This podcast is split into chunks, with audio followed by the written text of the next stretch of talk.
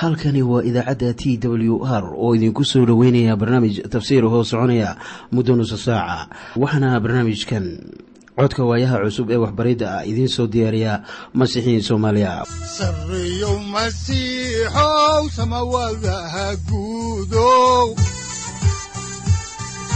Siraadkii adduunkow subanaha eebow sareyow masiixow samawadaha guudow siraadkii adduunkow subanaha eebow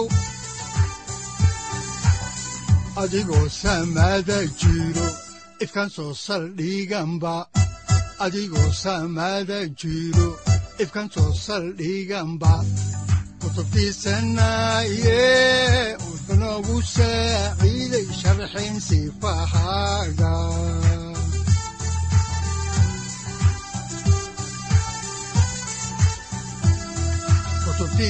kutubtiisinayow ebnagu saaciid sharxin sifahaaga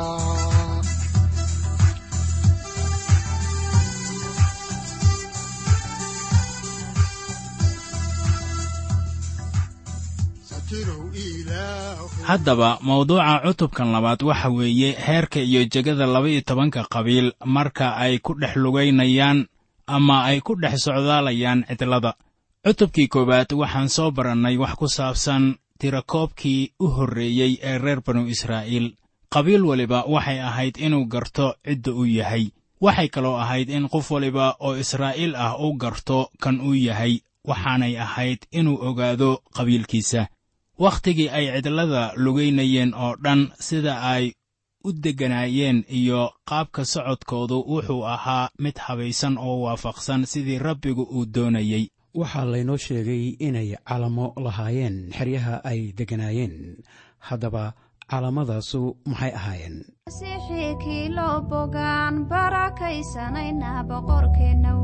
Bashiirow masiixii kiilo bogaan barakaysanayna boqorkeenna weyn markuu buunku yeero laysu soo baxaan. Barakaysanayna boqorkeenna weyn. Bashiirow masiixii kiilo bogaan. Barakaysanayna boqorkeenna weyn. Bannaankii qiyaama markay beeshu joogtaan. Barakaysanayna boqorkeenna weyn.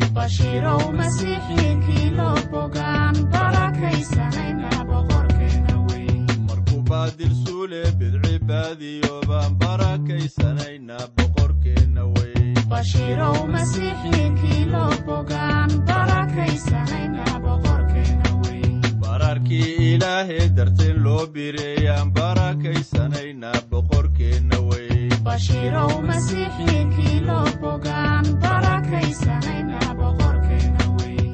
badbaadshaa adduunkee ballanqaadna siiyaan barakaysanayna boqorkeenna weyn bashiirow masiixii kiilo bogaan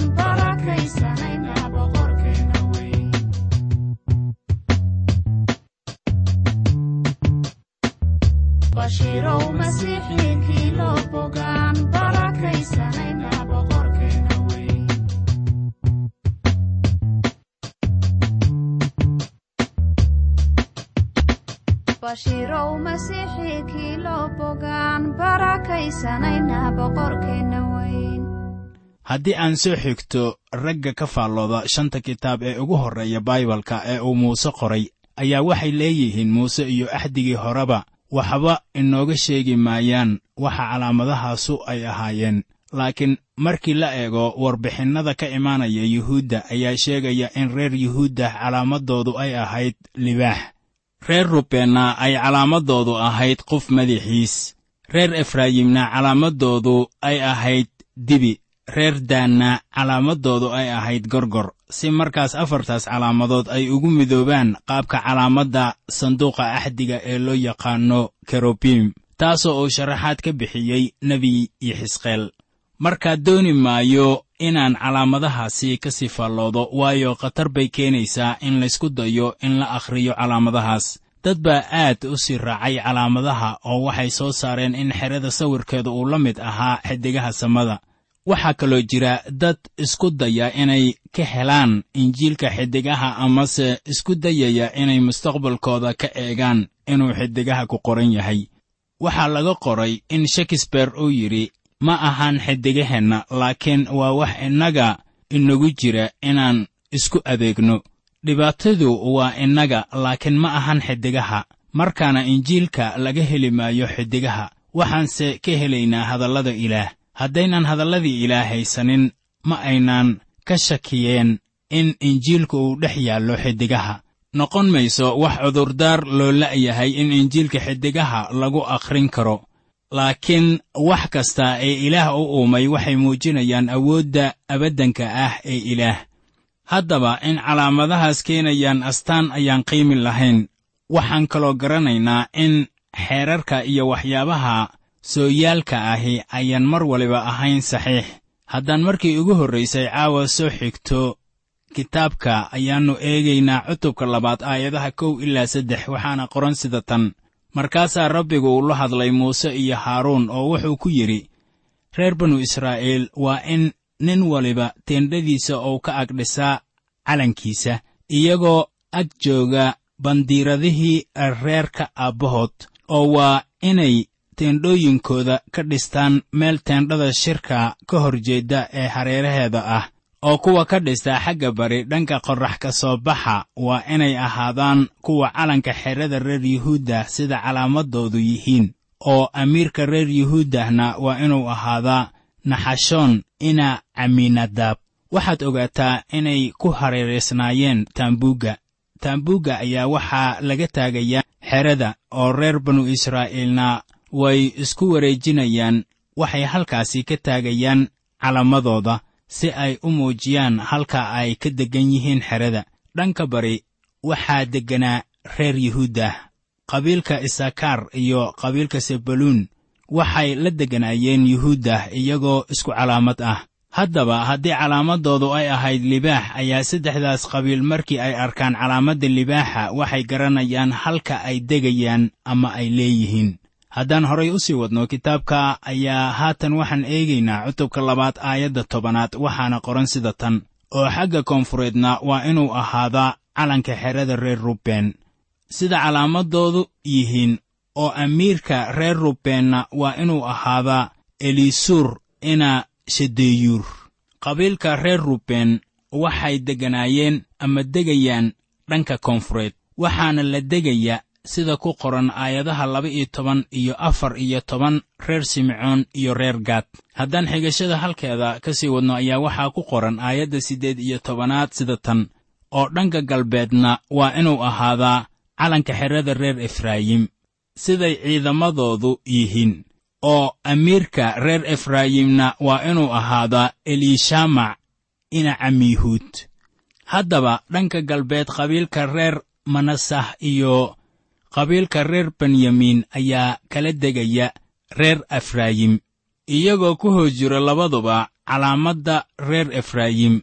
Haddaan horay u sii soconno ayaa waxaa ku qoran cutubka labaad aayadda shan iyo labaatanaad sida tan oo dhanka waqooyina waa inuu ahaadaa calanka xerada daan siday ciidamadoodu yihiin oo amiirka reer daanna waa inuu ahaadaa axiceser ina camishadaay marka qabiilka reer asher iyo kan reer naftaali ayaa la degaya ama hoos imaanaya calanka reer daan reer banu israa'iil waxaa loo dejiyey si nidaam leh qoys waliba iyo qabiil waliba.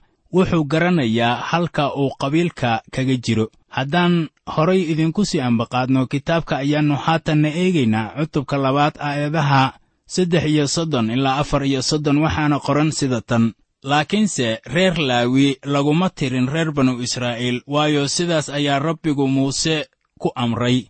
Sidaasayna reer banu israa'iil yeeleen oo kulli wixii rabbigu muuse ku amray sidaasay dhammaan uga agdhisteen calamadoodii oo sidaasay ugu baxeen siday qoladoodii iyo reerahoodii ahaayeen. Waxaan soo barannay haatan inay gartaan cidda ay ahaayeen iyo qabiilka ay ka tirsan yihiin shakhsiyaadkan socodka ku jira. Waa inay garanayaan abtirkooda si ay ku ogaadaan halka ay ka soo gelayaan xerada. Marka shakhsi dagaal aadaya ma jiro ilaa la ogaado booskiisa. Waxaa taasi la mid ah dagaalka masiixinimada laguma wado shaki iyo cabsi laakiin iftiin dhab ah iyo badbaado ayaa sal u ah. Dagaalkaasuna waa kan lagula jiro shayddaanka haddaba cadowgeenna maanta waa dunida jidhka iyo shayddaanka saaxib way kaa adkaanayaan haddii aadan hubin badbaadadaada. Qof waliba ee ka mid ah kiniisadda ciise masiix wuxuu leeyahay boos ama jego loo doortay. Howlaha oo dhan ee kiniisadda waxaa haga ruuxa quduuska ah. Waxaa laynoo sheegay innagoo ruuxa qudha ah in laynagu baabtiisay hal jir. Markii jidhka aad ka mid noqotay ayaad xubin ka noqonaysaa jidhkaas waxaa kaloo ku qoran warqaddii koowaad ee rasuul bawlos uu u qoray dadkii korintos cutubka laba iyo tobanaad aayadaha laba iyo toban ilaa afar iyo toban sida tan. Haddaba sida jidhku mid keliya u yahay oo uu xubno badan u leeyahay? Oo xubnaha oo dhan ee jidhka ay jidh keliya u yihiin inkastoo ay badan yihiin?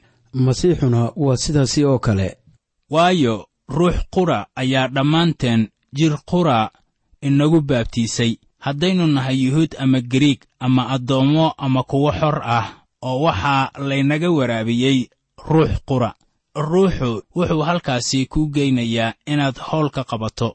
Rumaysto kasta wuxuu leeyahay hadiyad adigu waxaad leedahay hadiyad. Marka waxaa hadiyaddaasi layli u ah hawsha aad u qabanayso ama adeegaaga masiixa howlihiisa haddaba waxaa jira xubno badan oo jidhka bini'aadamku uu ka kooban yahay oo mid walibana waxay leedahay hawsheeda gaarka ah. Waxaa cagda bini'aadamku ay leedahay in ka badan labaatan lafood. Haddaba jidhka masiixa wuxuu leeyahay hadiyado badan mid walibana waa inuu hadiyaddiisa muujiyaa.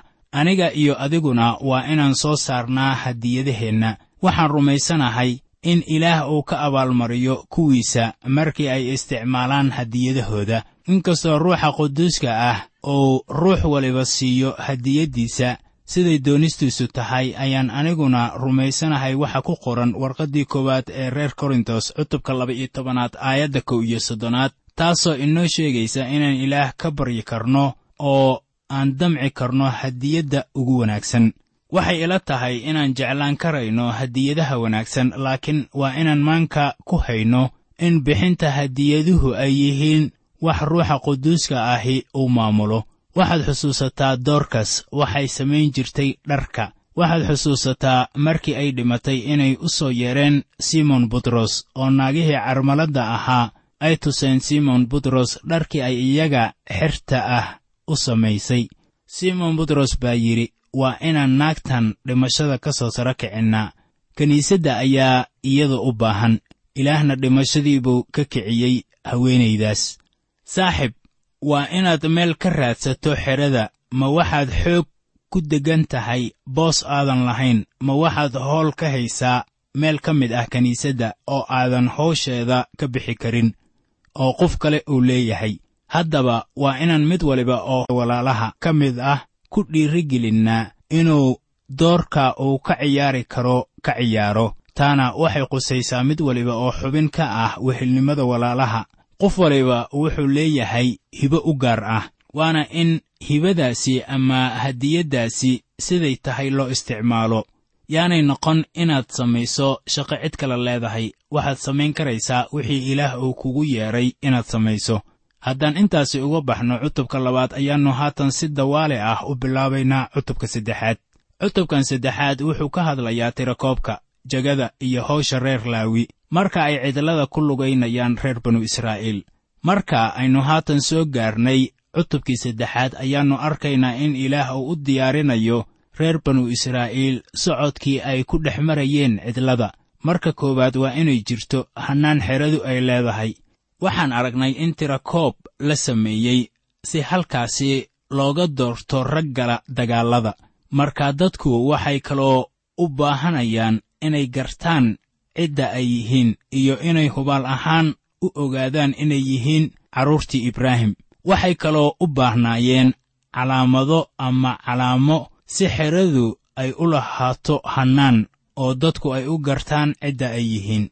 Cutubkan saddexaad ayaa inaga siinaya aragti kale qabiilka reer laawi iyo waxa ay tahay inay sameeyaan. Qabiilkaasu wuxuu ahaa kan eegaya howlaha taambuugga inkastoo aan tirakoobkii hore lagu darin iyaga ayaa haatan iyaga la tirakoobayaa keligood. Si loogu yeelo howl cayiman oo ay xerada ka dhex qabanayaan waxaa tirakoobka laga bilaabayaa muuse iyo haaruun. Haddaan markii ugu horraysay idiin akhrinno kitaabka tirintii cutubkiisa saddexaad ayaa waxaa ku qoran aayadaha kow ilaa afar sidatan. Haddaba kuwanu waxa weeye farcamadii haaruun iyo muuse waagii rabbigu muuse kula hadlay buur siinaay oo kuwanu waa wiilashii haaruun magacyadoodii naadaab oo curadkii ahaa iyo abihu iyo elcaasaar iyo itamaar.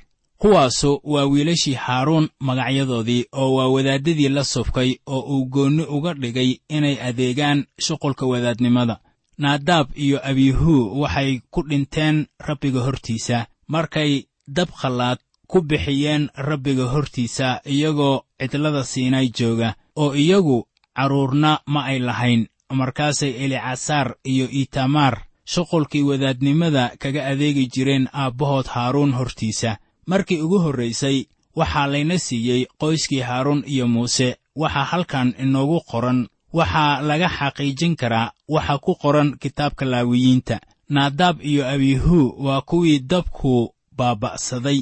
Kadib markii ay idan aan lagu amrin oo foox uu ku jiro ay ilaah hortiisa la soo istaageen. Iminkana waxaa qabiilka reer laawi la soo hor istaajiyey haaruun. Haddaan xigashada halkaasi ka sii wadno ayaa waxaa ku qoran kitaabka tirintii cutubka saddexaad aayadaha shan ilaa toddoba sida tan.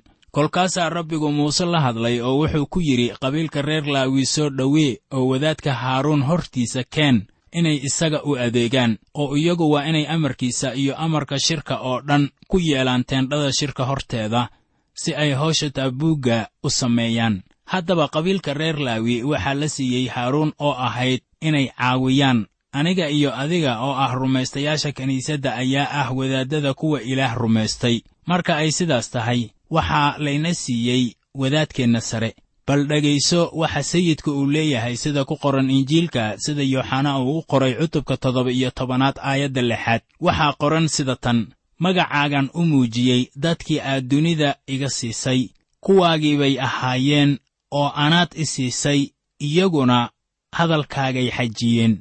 Rumaystayaasha oo jamac ahaan loogu yeedho kiniisadda ayaa la siiyey sayid ciise. Cutubkan oo dhan wuxuu qorayaa ducadii uu innaga inoo ducaynayey waxaa laynoo bixiyey hadiyad jacayl ah oo ka timid aabbaha kuna socota wiilka. Qaarkeen ayay la noqonaysaa inaanay waxba sidaas ah haysanin. Marka waxaan u baahannahay inaan garanno inayan ahayn waxa aynu iminka nahay wax la eegayo laakiin waa waxa aynu noqon doonno. Markaana waxaa lagu soo celinayaa sidii qabiilkii reer laawi loo siiyey haaruun iyo wiilashiisa. Haddaan horay u sii ambaqaadno kitaabka ayaannu haatan eegaynaa kitaabkii afaraad ee muuse oo loo yaqaanno tirintii cutubka saddexaad aayadda sagaalaad. Waxaa qoran sida tan oo adigu waa inaad reer laawi siisaa haaruun iyo wiilashiisaba oo iyaga dhammaantood waa la siiyey reer banu israa'iil aawadood.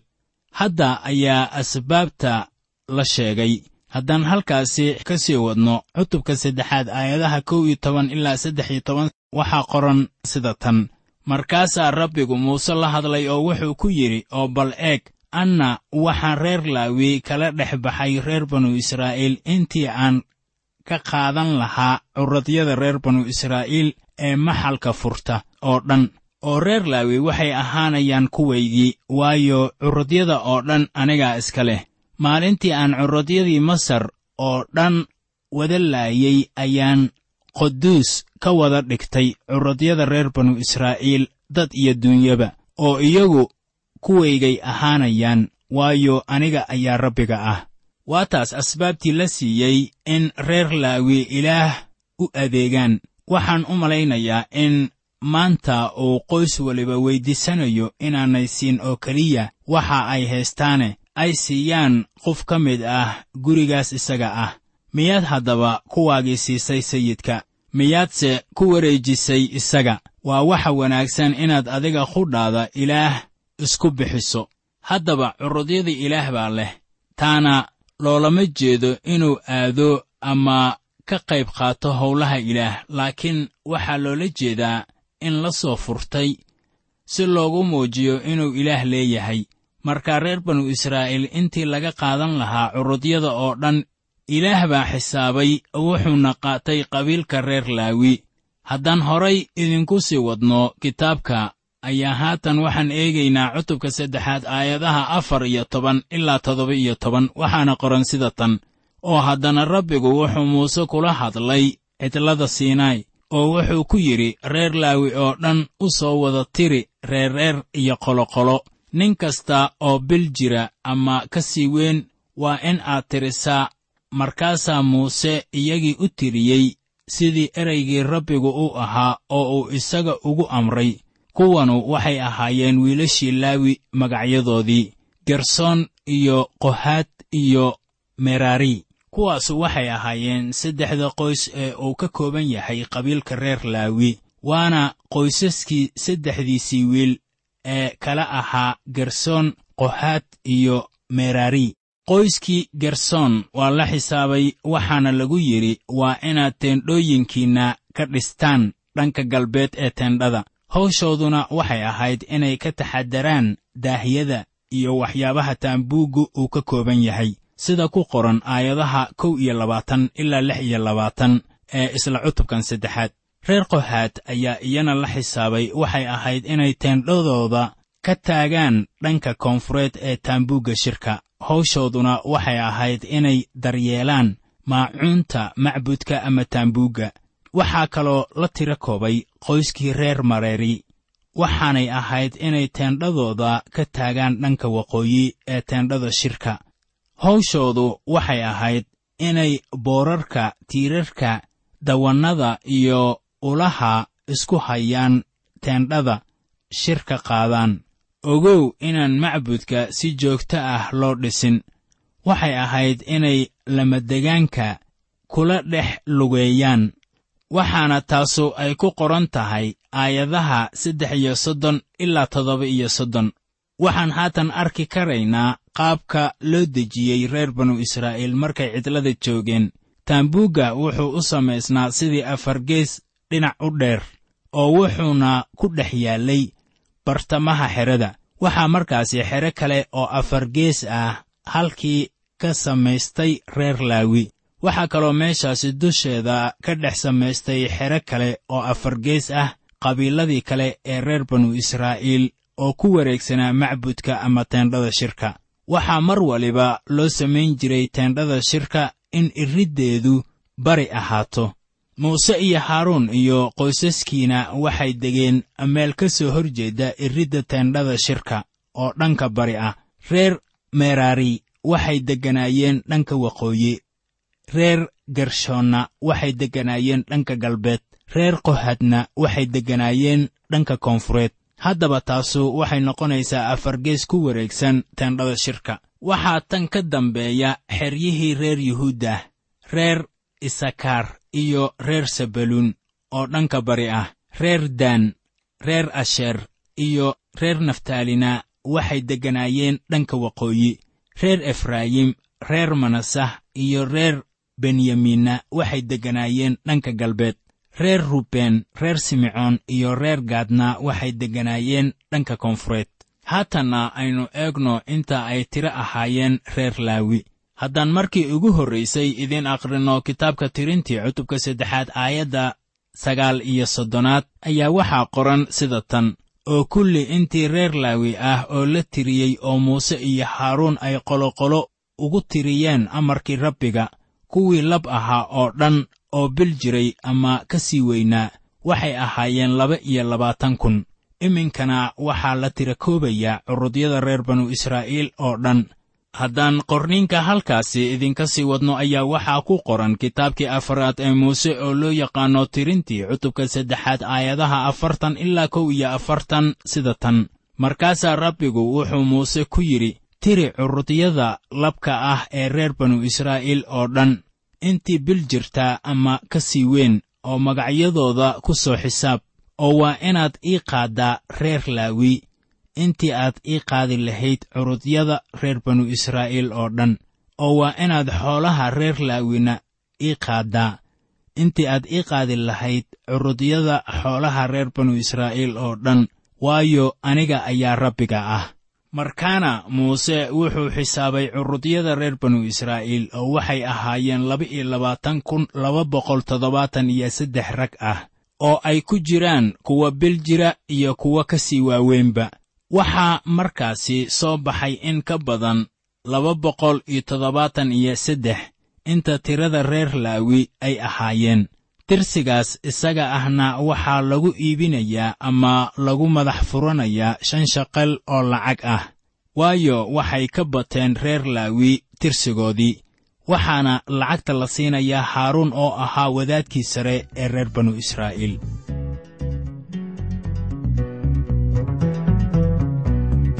maryanu bikraaba masiixii dhasho markaasaa la yaabo mucjisay ahayd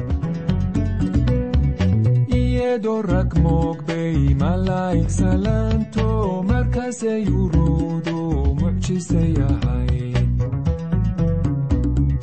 maryanu bikraaba masiixii dhasho markaasaa la yaabo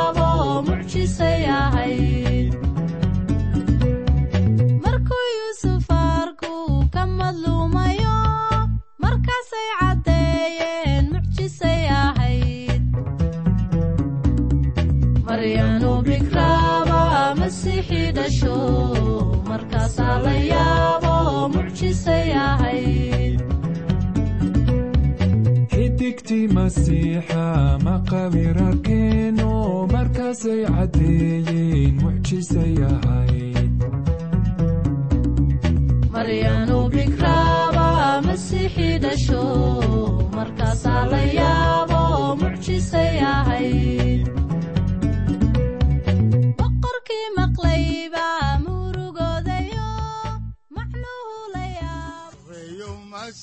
masiixow samawadaha guudow siraadkii adduunkow subanaha eebow.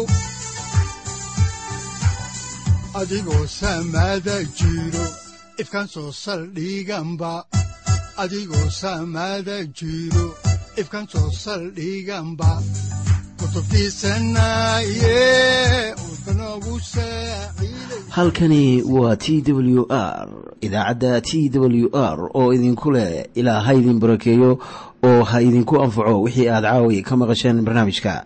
Waxaa barnaamijkan oo kalea aad ka maqli doontaan habeen dambe hadahan oo kale haddiise aad doonaysaan in aad fikirkiina ka dhiibataan wixii aad caawi maqasheen ayaad nagala soo xiriiri kartaan som t w r at t w r c o k e haddii aad doonaysaan in aad dejiisataan oo kaydsataan barnaamijka ama aad mar kale dhegaysataan fadlan mar kale booqo www t w r o r g amase waxaad teleefoonkaaga ku kaydsataa ama ku download garaysataa agabyada ku sahli karaa dhegeysiga t w r haddii aad doonayso in laga kaalmeeyo dhinacyada fahamka kitaabka amase aad u baahan tahay duco fadlan fariimahaaga soo mari bogga aaraahda ama kommentska inana jawaab degdeg ah ayaanu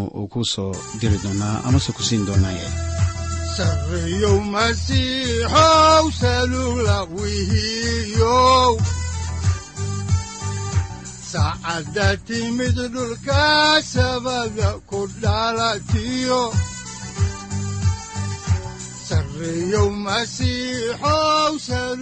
halkani waa t w r oo idiin rajaynaya habeen baraare iyo barwaaqaba leh.